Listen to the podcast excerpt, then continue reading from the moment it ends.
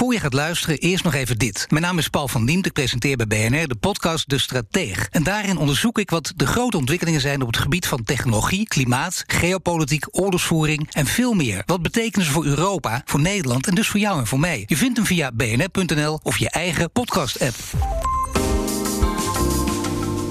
De maatregelen die hier en elders worden getroffen zijn ongekend voor landen in vredestijd. Het wordt echt wel uh, stoelriemen vast de komende periode. Welkom bij Ongekend in Vredestijd, de wekelijkse podcast van FD en BNR over de economische gevolgen van de coronacrisis. Ik ben Daan Ballegeer vanuit Amsterdam, waar het geluid van een eindeloze stoet rolkoffertjes ondertussen maar een vage herinnering meer is. En ik ben Matthijs Bouwman. Ik zit thuis in de kop van Noord-Holland op het rustige platteland waar de tulpenbollen gewoon mogen bloeien, want er komt toch nooit iemand naar kijken. Dus iedereen houdt altijd minstens 7 meter afstand eh, van elkaar. Nou goed, deze week denk ik dat we het moeten hebben over aandelenmarkten. Want hoe beleggers op de coronacrisis gereageerd hebben, ja, dat is toch eigenlijk wel heel bijzonder. Is de beurs compleet van het padje? Ik denk het eigenlijk wel. Of zien beleggers iets wat de rest van de wereld niet ziet?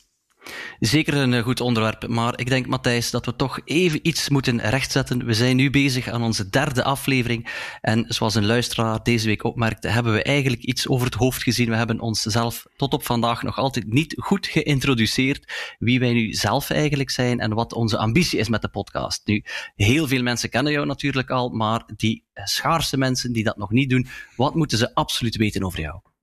Nou, ik ben een econoom, een macro-econoom. Uh, ik eh, ben eh, sinds flink aantal jaren journalist. Tijdlang beurscommentator geweest bij het programma RTL Z. Dus daarom vind ik deze, dit onderwerp ook echt heel, heel leuk om te behandelen.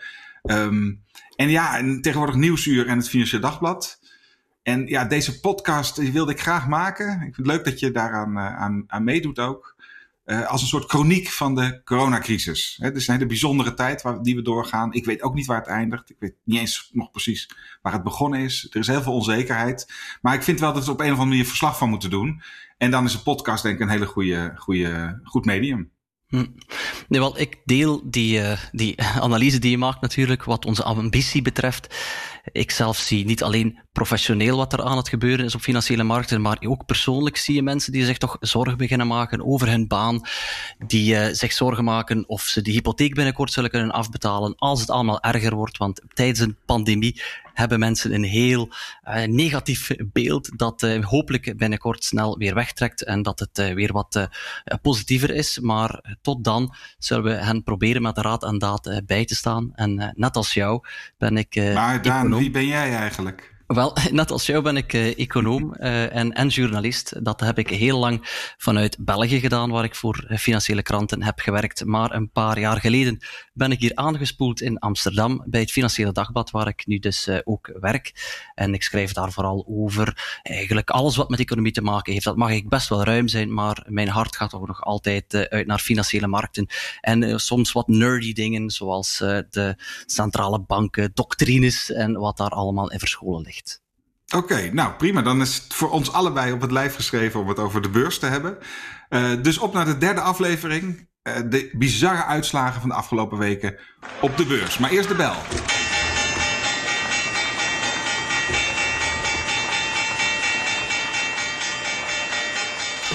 Kijk, uh, dat is de bel van de New York Stock Exchange. Nou, Amerika is natuurlijk altijd wild als het gaat om de beurzen. Ik zal toch even heel kort nou, niet heel kort, maar een beetje kort proberen samen te vatten wat er op de, op de beurzen wereldwijd is gebeurd. Kijk vooral naar Amerika en ook even naar Amsterdam. Uh, ongeveer dezelfde bewegingen. Hè? In Amerika record op record uh, begin dit jaar. Uh, zo rond 1920 februari werden, werden nieuwe records aangetikt. Niveaus voor de S&P voor de Nasdaq, voor de Dow die we nog niet eerder hadden gezien. En daarna een harde val omlaag. Toen drong echt plotseling de, de, ja, de, de zwaarte van de potentiële zwaarte van de corona-uitbraak. Ja, drong door tot de beurzen. En de beurzen verloren wel ongeveer een derde van hun, hun waarde. Zo'n 34% voor de SP, zo'n 30% voor de Nasdaq. Um, dat zag je ook in Europa. De FTSE in eh, Londen ging nog harder omlaag. En ook hier in Amsterdam bij de AX verloren we ook zo'n uh, zo'n 38% in een aantal weken tijd. Nou, dat is ongekend uh, ja, een soort gevoel van de bodem valt eronder vandaan. Maar opvallend genoeg, het dieptepunt van die, van die beurzen werd allemaal zo uh, nou, halverwege iets na de helft van maart bereikt. Zo 22, 23 maart in Amerika, 18 maart eigenlijk al in Amsterdam. En sindsdien, en dat, ja, daar moeten we het echt over hebben, denk ik, in, deze, in deze aflevering, zijn de beurzen weer aardig opgekrabbeld. Nog niet terug op oude niveaus, maar er is toch ten opzichte van de dieptepunt alweer zo'n 25 procent, uh, soms zelfs uh, 27 procent bijgekomen. En we staan nog wel in de min, maar het is niet meer dat gevoel van totale wanhoop en, en, en ondergang wat we halverwege maart hadden. Terwijl de economie er zeker niet beter op is geworden. Weet je, weet je wat ik daar nu het opmerkelijkste aan vind, Matthijs, is dat we verwijten beleggers heel vaak wispelturigheid. Hè. Ze zijn uh, constant aan het balanceren tussen euforie en, en, en, en, en totale wanhoop. Maar voor deze ene keer geldt toch echt dat de wisdom of the crowds bij beleggers de juiste wijsheid heeft opgeleverd. Jij vindt het rationeel wat je waarneemt? Wel, niet rationeel, maar half februari. Toen is eigenlijk die AX achteruit beginnen kachelen. En je zei terecht, iets van een 40% op vier weken tijd. Maar half februari uh, had ik, ik, net als bijna iedereen denk ik, helemaal geen zicht op hoe erg die coronacrisis zou worden. Het leek nog altijd een Chinees probleem en het ging wat kleine problemen opleveren, maar niets dramatisch. Maar beleggers hebben toen dus wel degelijk eigenlijk heel snel ingezien dat dit heel erg zou kunnen zijn. Dus dat vind ik heel opmerkelijk. En als je nu ziet dat de AEX op uh, twee weken tijd alweer 20% gestegen is, ja, dan zou je daaruit kunnen besluiten dat als beleggers die uh, pols van de financiële markten goed weten te vatten en wat er met de coronacrisis aan de gang is, dat het, uh, het licht aan het eind van de tunnel in zicht is. Okay. Maar ja. Dat is nou, wel een heel positieve lezing. Ja, nee, wil ik even dieper op ingaan. Want dat vind ik interessant dat je dat zegt. Want je, hè, dus een soort van de, de, de, de markt heeft dit keer wel gelijk. Is dat dan, zijn dat dan beleggers die het goed hebben gezien?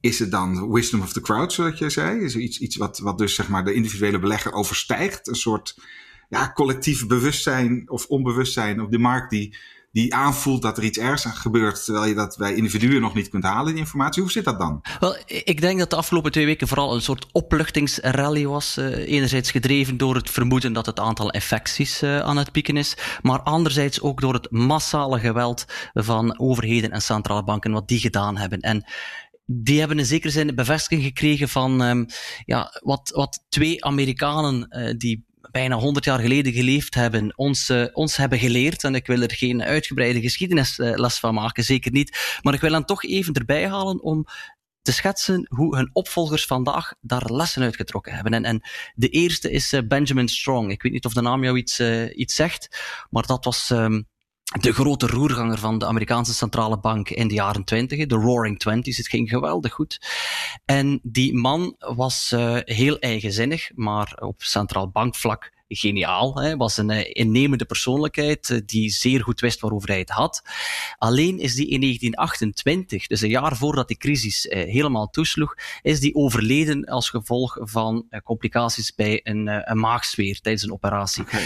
En dat was een ongelooflijk slecht moment voor de Fed om haar voorman te verliezen. Want er was niemand die in zijn, uh, uit die schaduw kwam en die eigenlijk alle neuzen van die bestuurders in dezelfde richting kreeg. En op het moment dat de beurs crashte, zei van nu moeten we alles doen wat nodig is. En het gevolg was dat de Fed heel weinig deed. In tegendeel, moet ik zeggen, ze deed uh, uh, net doordat ze zo weinig deed heel veel, want de geldhoeveelheid kromp met liefst een derde. En als je even wil weten wat daar de gevolgen waren van alle banken, dat waren er denk ik 25.000 op dat moment, zijn er op drie jaar tijd 11.000 over de kop gegaan. En dat is iets waar centrale bankiers echt uitgeleerd hebben. Ben Bernanke, eh, de man die in 2008 bij de grote financiële crisis aan het hoofd stond van de Fed, heeft zelfs zijn uh, doctoraat uh, gehaald op de, de grote depressie. En die zei van, we moeten dit voorkomen ten koste wat het kost. En daardoor heeft de Fed tijdens die financiële crisis ook de sluizen opengezet. En dat is een les die ook Jerome Powell heel goed heeft ingeprent. ik laat heel even een fragmentje horen. To, uh... to to stop lending on September 30th. If they have to go longer than that, of course they will. So I think the, the, the thing we'll be looking for is to make sure that the economy really is on a solid footing before we start pulling back. And then, as you know, when we start pulling back, we do so very gradually. Dit is dus wat Jerome Powell, de, de Fed-voorzitter, afgelopen week zei in een webinar van de Brookings Institute. En dat geeft toch echt wel aan dat centrale banken begrepen hebben dat ze nu alles moeten doen om die banken gefinancierd te houden, om de, de doorstroming van geld naar de reële economie intact te houden. Ja, oké, maar dat wisten we toch ook toen de beurs zo hard daalde. Dat, dat centrale banken altijd wel weer klaar zouden staan. dat is een beetje een nieuwe werkelijkheid sinds de kredietcrisis. Als het echt misgaat, dan komt er altijd wel een centrale bankier met uh, gratis geld. Zeker, zeker. Uh, en waarom, maar die beurzen gingen toen wel gewoon heel hard naar beneden. Dat, dat, vertrouwden ze dat niet? Of moest dat gezegd worden opnieuw? Ik denk dat het altijd goed is dat het bevestigd wordt, maar op een moment dat die infectie heel snel uitbreidde en het voor beleggers helemaal onzeker is wat er zal gebeuren, dan weten ze niet dat de centrale bank gaat ingrijpen op, uh, op het exacte punt. Dus uh, om, om nog even terug te komen op uh, die, die crisis van de jaren 30, toen is de Amerikaanse beurs met 89% eigenlijk gedaald ten opzichte okay. van zijn piek. Ja, nu zijn ze dus maar 40% omlaag gegaan. Een interessante parallel is dat in de eerste weken na oktober 1929, toen de crash, uh, crash uh, uitbrak, ging de beurs aanvankelijk ook 40% omlaag om daar een tijdje te plafonneren. En is daarna toch dus naar die 89% gezakt.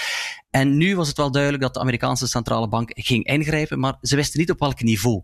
Dus ik denk dat er nog heel, een hele belangrijke toevoeging eraan. Het tweede verhaal is uh, dat ik uh, even wou naar boven brengen. Dat is opnieuw iemand dus uit de jaren 30 en die heet Andrew Mellon. Dat was onder Herbert Hoover de minister van Financiën. En die had eigenlijk ongelooflijk slecht advies voor zijn president. Want hij verklaarde dat het eigenlijk beter was om de rot uit het systeem te halen door alles te liquideren. Dus bedrijven moesten maar personeel ontslaan, beleggers moesten maar aandelen dumpen en schuldenaars moesten maar een huis te koop zetten. En uit de as die daardoor zou ontstaan, zou dan een gezondere economie herreizen. Dat is, was natuurlijk ongelooflijk slecht advies en heeft die grote depressie enkel langer en dieper gemaakt. En daar zien we dat de Amerikaanse overheid toch wel lessen uitgetrokken heeft. De huidige minister van Financiën, Steven Mnuchin, heeft samen met het Amerikaanse congres echt wel een plan uitgewerkt van duizenden miljarden om die economie te steunen. En dat was iets wat nog niet helemaal duidelijk was in het begin van de crisis, om op je vraag terug te komen. Het was duidelijk dat de Amerikaanse centrale bank iets ging doen, maar of het genoeg was, ja, daarvoor wordt er toch ook gekeken naar ja, de overheid. En die heeft tot op vandaag toch al heel wat uit de kast gehaald. Dat zal moeten blijken of het, of het genoeg is. Ja, want ik vind dat interessant hoor. Het is natuurlijk eigenlijk wat, wat toch de nieuwe realiteit is voor de beurs. En ook wel een beetje sneu ergens. Dat als het helemaal totaal misgaat, dan kijken ze naar Washington naar de centrale bank en naar, uh, naar de overheid om te kijken of er nog een reddingsplan komt en een, uh, en, en, ja, een nieuwe impuls in, uh, in monetaire zin. Maar dit is natuurlijk een, wel iets anders dan de kredietcrisis, ook iets anders dan de financiële crisis in de jaren 30. dit is een, echt een, een, een soort crisis die van buiten komt, waarvan we het heel moeilijk kunnen weten hoe lang dat duurt en hoe het nou eigenlijk werkt, zo'n deel van je economie helemaal stilzetten. En ik vind toch wel weer, om dan toch even de irrationaliteit van die van die beurzen en ook van die opleving van de afgelopen weken aan te geven. Uh, werd, werd op Twitter en op andere sociale media werd een, een, een, een screenshot van CNBC gedeeld afgelopen week. Je hebt het misschien ook wel gezien van de, de beroemde Jim Cramer, hè, de, de Mad Money Jim Cramer. De nou, soort cheerleader van de, van de Amerikaanse beurs op CNBC. En die um, staat dan voor een, voor een scherm waarin op staat: The best week since 1938. Dus de beurs heeft de beste week sinds 1938 en hij is super enthousiast. Maar er is ook een ticker op datzelfde scherm, een, een, een nieuwsbericht daaronder, breaking news. En dat luidt: meer dan 16 miljoen Amerikanen hebben de afgelopen drie weken hun baan verloren. En ja, dat, dat kun je toch eigenlijk niet. Nee, uh, ik ja, heb die. Uh... Tenminste is het schizofreen dat de beurs zijn beste week heeft. Terwijl de, de Amerikaanse werknemers, die gewoon bij bedrijven werken, die ook voor een deel aan die beurs genoteerd staan, hun allerslechtste week ooit hebben. Nee, ik, ik zag de tweet ook passeren en ik deel jouw onbegrip wat dat betreft. Het is. Uh, ja, op langere termijn heel slecht dat mensen een baan verliezen. Het is niet zo dat ze morgen, als deze crisis voorbij is, zomaar in die banen terugrollen en dat ze in de tussentijd alle rekeningen hebben kunnen betalen, dat al die bedrijven overeind gebleven zijn met de steun. Dus ja, die oplopende werkloosheid en beleggers die blijkbaar denken dat het feit dat overheden en centrale banken ingrijpen, dat ze daarmee een pleister leggen op een wonde en dat die heel vlot geneest, dat vind ik een hele, hele vreemde, heel, heel vreemd verloop. Dus uh, we zullen moeten zien hoe het afloopt. Maar mij lijkt het, als ze dan toch balanceren tussen euforie en, uh, en wanhoop, dat ze toch iets te veel in de richting van, van de euforie zitten. Ja, als een soort contrareactie op die op die, die, die neergang van de afgelopen weken. Het is toch een soort hysterische reactie misschien. Wel, je hebt ongetwijfeld ook de beelden gezien van uh, New York, waar heel veel mensen toch uh, in bekaaide toestanden naar het ziekenhuis uh, gebracht worden. En er zijn wachtrijen. En ja, het, het, is aan het beteren, maar we zijn nog heel ver, denk ik, van terug naar een economie die open gaat en draait zoals gewoon tevoren. Dus ja.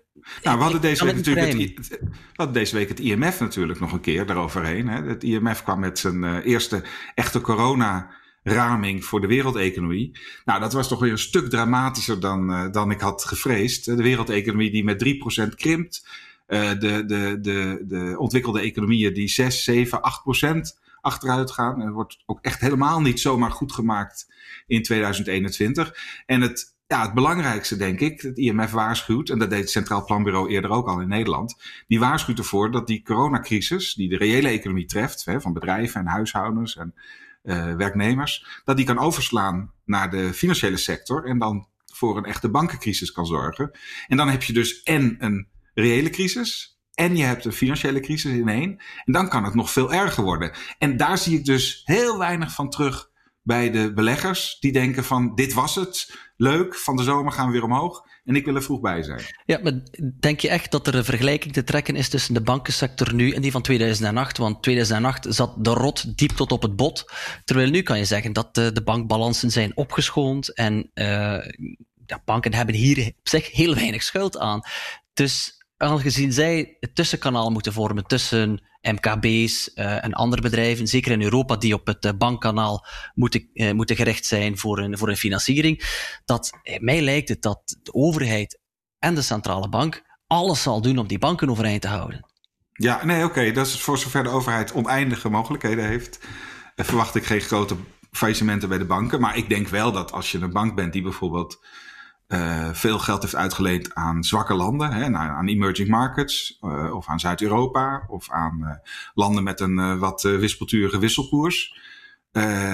of aan bedrijven die in sectoren zitten die dicht zijn. Maar ik denk vooral als je, als je een grote internationale bank bent die in emerging markets belegt, ja, dat je toch echt heel goed moet kijken of dat soort banken wel nou, of wel hun huidige koers waard zijn. Banken zijn natuurlijk flink gedaald. Hè? Die zijn, zijn samen met de luchtvaartmaatschappijen de grote slachtoffers van, uh, op de beurs geweest de afgelopen maanden. Maar ja, het is wel, het is denk ik nog steeds, ook al staan ze er beter voor, wel het, het, het, het, het soort breekpennetje van de economie. Als die banken gaan, dan staat opeens alles stil. Wie zijn dan volgens jou nu die beleggers die toch instappen en die koersen omhoog stuwen?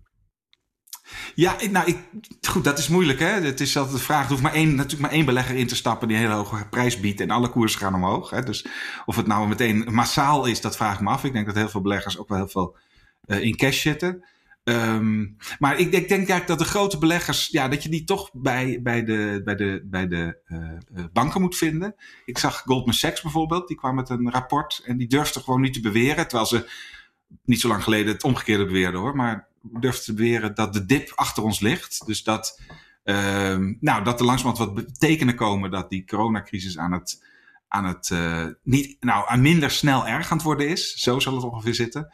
En dat dus de beurs daar al op vooruit loopt en dat de dip op de beurs achter ons ligt. Maar, maar als je ja, puur je oor te luisteren legt bij zeg maar de grote namen in Amerika. Hè. Mark Mobius bijvoorbeeld, hè, de grote belegger op emerging markets. Niet altijd het zonnetje in huis hoor. Uh, die zegt het, het ergste moet absoluut nog komen. Zei die vandaag uh, in de Wall Street Journal was het geloof ik. En het, uh, ja, we, we, krijgen gewoon een soort dubbele dip op de beurs.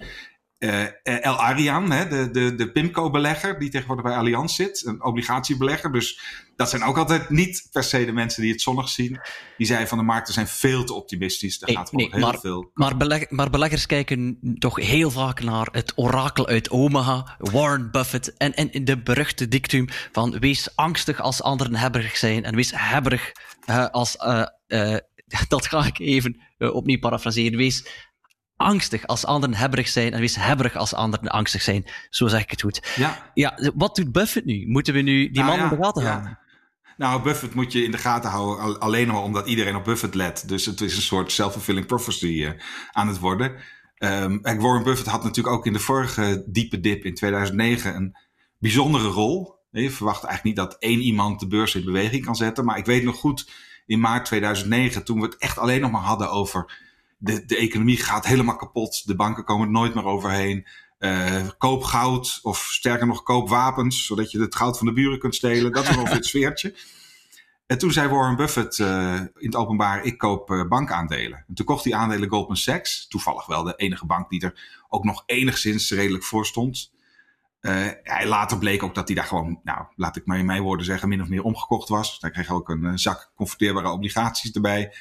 Uh, dus uh, hij moest het ook duidelijk zeggen dat hij, dat hij dat had gekocht. Maar dat was voor heel veel beleggers toen een soort belletje van de bodem. En toen hij Goldman Sachs ging kopen, toen dacht iedereen, het mag weer. Dus wat doet Warren Buffett nu? Nou, ik heb het hem niet gevraagd, maar er waren journalisten die gaan uitzoeken. Zegt hij al iets? Hij zegt nog niks. En wat heeft hij dan gedaan? Nou, hij heeft vooral verkocht. Hij heeft vooral luchtvaartmaatschappijen verkocht. Hij heeft banken verkocht. En opvallend, hij heeft veel cash opgehaald. Dus Warren Buffett op dit moment gaat met name naar Europa, waar de rente nog lekker laag is.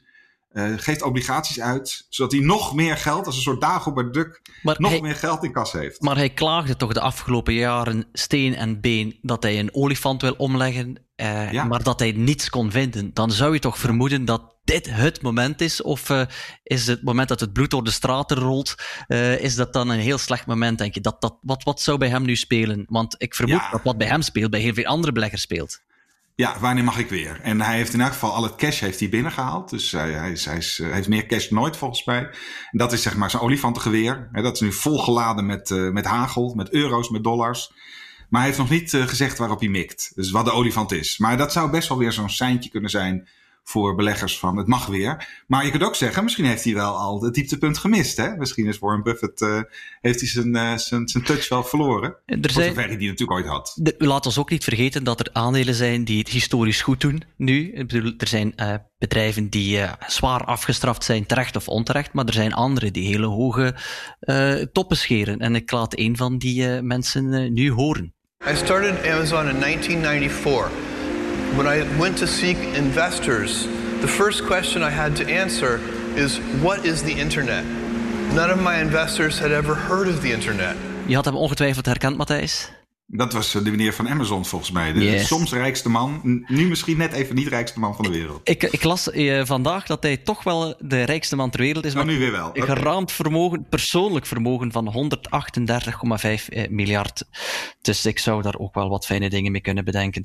Maar um, ja, de reden waarom Amazon zo populair is, uh, het bedrijf dat ooit begon als een soort online boekenwinkel en nu ja, bijna alles doet, een een retailer, online retailer, dat beleggers denken, ja, heel veel andere bedrijven zullen het veel lastiger krijgen. En Amazon, dat ziet iedereen nu die uh, iets bestelt bij Amazon, die draait gewoon lekker door.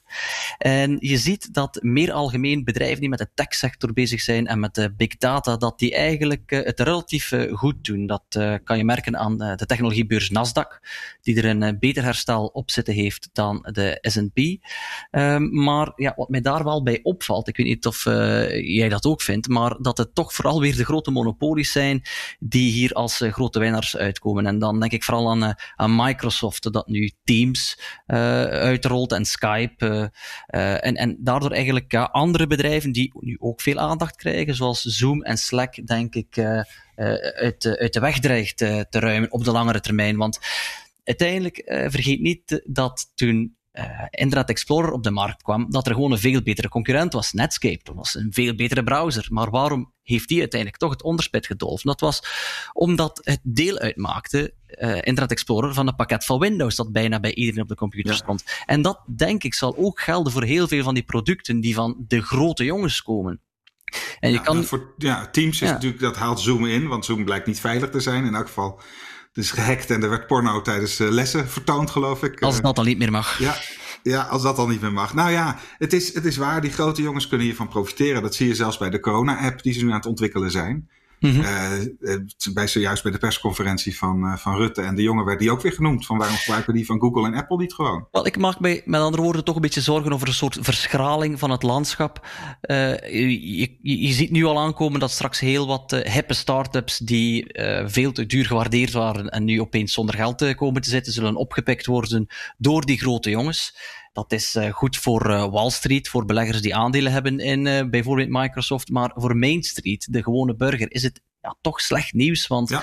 je krijgt minder goede producten en, en, en ja. minder concurrentie. En misschien ja, zal er op dit moment weinig tegen die grote jongens gebeuren, omdat concurrentiewaakhonden andere dingen aan hun hoofd hebben dan dat herstel straks te gaan hinderen. Dus ik, goed, ik, ik ben benieuwd hoe dat loopt. Heeft, ja, Amazon heeft een, heeft een uh, boete gekregen in Frankrijk, hè? Wat was vandaag of gisteren? Zij mogen nu alleen nog maar uh, essentiële producten verkopen, omdat ze niet goed zorgen voor uh, de veiligheid van hun mensen in de, in de warenhuizen, in de magazijns in uh, Frankrijk. Dus af en toe is er nog een dappere dodo, zoals meestal Frankrijk, die dan nog iets, iets doet ertegen. Maar je hebt gelijk, die monopolies die zullen niet zwakker worden door de crisis, door de shake-out die er, uh, die er gaat gebeuren. Oké, we hebben het over die grote beleggers, over de Warren Buffetts gehad en over uh, de banken en alles. Maar nou zitten gewoon mensen thuis, ook in Nederland, met een zak geld en waar ze van plan te beleggen. En die weten eigenlijk niet meer wat ze moeten doen. Wat, wat moeten we nou tegen dat soort mensen zeggen? Vooral niet panikeren. Veel beleggers hebben eigenlijk nog nooit een grote berenmarkt meegemaakt. Dus een forse daling van de beurzen, omdat ze zijn ingestapt na 2012. Want zo lang is het al geleden dat we nog eens een goede correctie gehad hebben. En ja, het is een beetje zoals met soldaten in de oorlog. Als ze nog nooit gevochten hebben, dan hebben ze een koelbloedigheid nog niet bewezen. Dus ze moeten echt vanuit die loopgraaf ja, uitkijken en uh, hopen dat ze met die uh, beleggingen die ze hebben destijds uh, verstandige keuzes hebben gemaakt. En als dat niet zo is, is het niet te laat om om te schakelen. Met andere woorden, wat zijn een paar adviezen die we zouden kunnen geven? We gaan en moet je, moet je wachten tot het nieuwe dieptepunt voordat je instapt? Of, eh, natuurlijk, de, de, simpele tip is altijd van niet kijken naar de beurs. Gewoon elke maand met hetzelfde bedrag de beurs op. dan koop je veel als het goedkoop is. Je koopt weinig als het duur is. Dat is ook meteen super saai. Ja, uh, ja. Geldt dat ook voor dit soort waanzinnige tijden? Er was ooit iemand die zei dat beleggen saai moet zijn. Uh, Samuelson, Paul Samuelson, de, de, grote econoom, zei dat ooit. Je moet uh, beleggen beschouwen als een enorme saaie hobby. Alsof je kijkt naar verf aan de muur die droogt of kijken naar het gras dat groeit. Dus het advies dat ik er zou willen aanplakken op wat jij al had gezegd als aanvulling, is dat een goede spreiding van dat vermogen toch, toch belangrijk is. Dus stop niet, net zoals je niet alles in vastgoed moet stoppen of in goud stoppen, zorg ervoor dat je geld mooi gespreid zit over regio's, over verschillende soorten aandelenklasses, uh, over verschillende type ja, sectoren en, en bedrijven. Dus dat kan met een uh, eenvoudige trekker of een, of een indexfonds, niet te duur maken. En um, niet panikeren opnieuw. Dus uh, ja. de beurs heeft een hele goede track record om zijn verliezen te compenseren. De mensen die in 2008 zijn uitgestapt uh, uit uh, een degoe, een afgrijzen van wat er gebeurde, die hebben zich dat uh, ja, moeten beklagen later, want op amper twee jaar tijd was dat hele verlies goed gemaakt. Dus uh, ik zou in elk geval nog uh, ja, willen zeggen moed houden. En we komen hier wel uit. Het kan natuurlijk wat langer duren, maar elke belegger die op de aandelenmarkten actief is, moet weten dat het een lange termijn project is. En niet iets dat je vandaag, morgen of overmorgen allemaal mooi, mooi geregeld krijgt. Het is echt die blik op de horizon. Om met, een cliché, om met ja. een cliché te eindigen, als je je blik op de horizon houdt, word je niet misselijk van de golven waarop je nu zit. Dus, uh, Oké, okay, fantastisch. Nou ja, of je moet doen zoals ik. Ik beleg ook vast elk jaar een uh, bedragje. En de bank was vergeten dat te beleggen voor mij. Dus toen heb ik de hele dip gemist. Dus je kunt gewoon, als je een matige bank hebt, dat is ook een goede tip. gewoon, uh, dus ik heb niet getimed, maar mijn bank heeft dat per ongeluk voor mij gedaan. Maar nou ja, we moeten wel naar onze rubriek nog even, uh, Daan. We hebben vorige week een rubriek gelanceerd. Goede tijden, slechte tijden.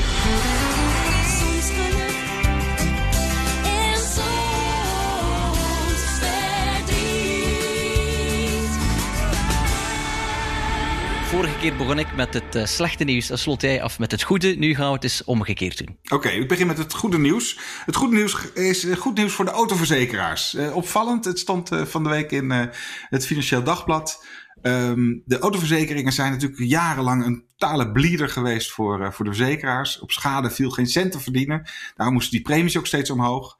Maar nu opeens zijn het gouden tijden voor deze sector. Want niemand rijdt meer. Dus, nou ja, een paar mensen nog. Maar er rijden veel minder mensen. Ze botsen minder. Ze uh, lopen veel minder schade op. En door dat uh, lage verkeer is er, uh, is er gewoon winst voor die, voor die bedrijven. Um, ze halen op dit moment, schatten een rekenaar van het FD in, nu 50 miljoen premie per week op die boven de schade uitkomt. Dus ze maken 50 miljoen winst voor het eerst eigenlijk op hun schadeverzekeringen. Dus hoera voor de autoverzekeraars deze week. Ja, hoera voor de autoverzekeraars, maar niet alle autoverzekeraars. Want okay. er is in België uh, waar ik dus vandaan kom, een uh, verzekeraar, uh, de, een dochter van de Belgische bank, dus wat trouwe beleggers zullen kennen als een erfgenaam van destijds Dexia. Uh, en die dochter die heet, uh, en ik verzin dit niet, Corona Direct. Dus die zullen denk ik binnenkort uh, moeten overwegen om een naam te veranderen, want dat is natuurlijk een publicitair drama.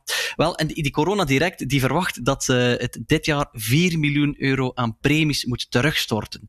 Nu, hoe valt dat te rijmen met het verhaal dat jij net vertelde? Wel, driekwart van de portefeuille van Corona Direct bestaat uit autoverzekeringen die lopen met een kilometer. Dus met andere woorden, de hoogte van de premie hangt af van het aantal kilometers dat je rijdt. En klanten betalen om de zoveel tijd een premie als voorschot, maar die is dus wel berekend op uh, ja, normaal verkeer, terwijl er nu ongeveer een derde minder wordt uh, gereden. Ze moeten terugbetalen. Dus zij moeten terugbetalen. corona, coronaverzekeraars moeten terugbetalen. Ik, vind het maar ik zou zeggen, om bij het thema van vandaag de beurs te blijven, eh, zou ik nog kunnen zeggen dat beleggers die hun geld in autoverzekeraars willen stoppen, eh, best eens kijken wat er onder de motorkap eh, zit, om te zien welk verzekeringsmodel die verzekeraar hanteert. Dan kunnen ze zichzelf hopelijk een miskopen besparen. Oké, okay, prachtig. Ja, dus uh, beleggen in verzekeraars, maar niet in Belgische. Dat is eigenlijk wat je aan het zeggen bent, uh, nou goed, oké, okay, dit was het. We moeten het afsluiten. De tijd zit erop. Uh, dank u wel voor het, voor het luisteren allemaal. En als u denkt, ik wil deel 4 ook wel horen... over weer een ander onderwerp wat met toch de coronacrisis te maken heeft... abonneer u dan via de favoriete podcast-app... En als u daar bent, mag u ook sterren geven en stuur ook eens een linkje naar deze podcast door naar collega's of vrienden of uh, naar uw moeder. Bedankt.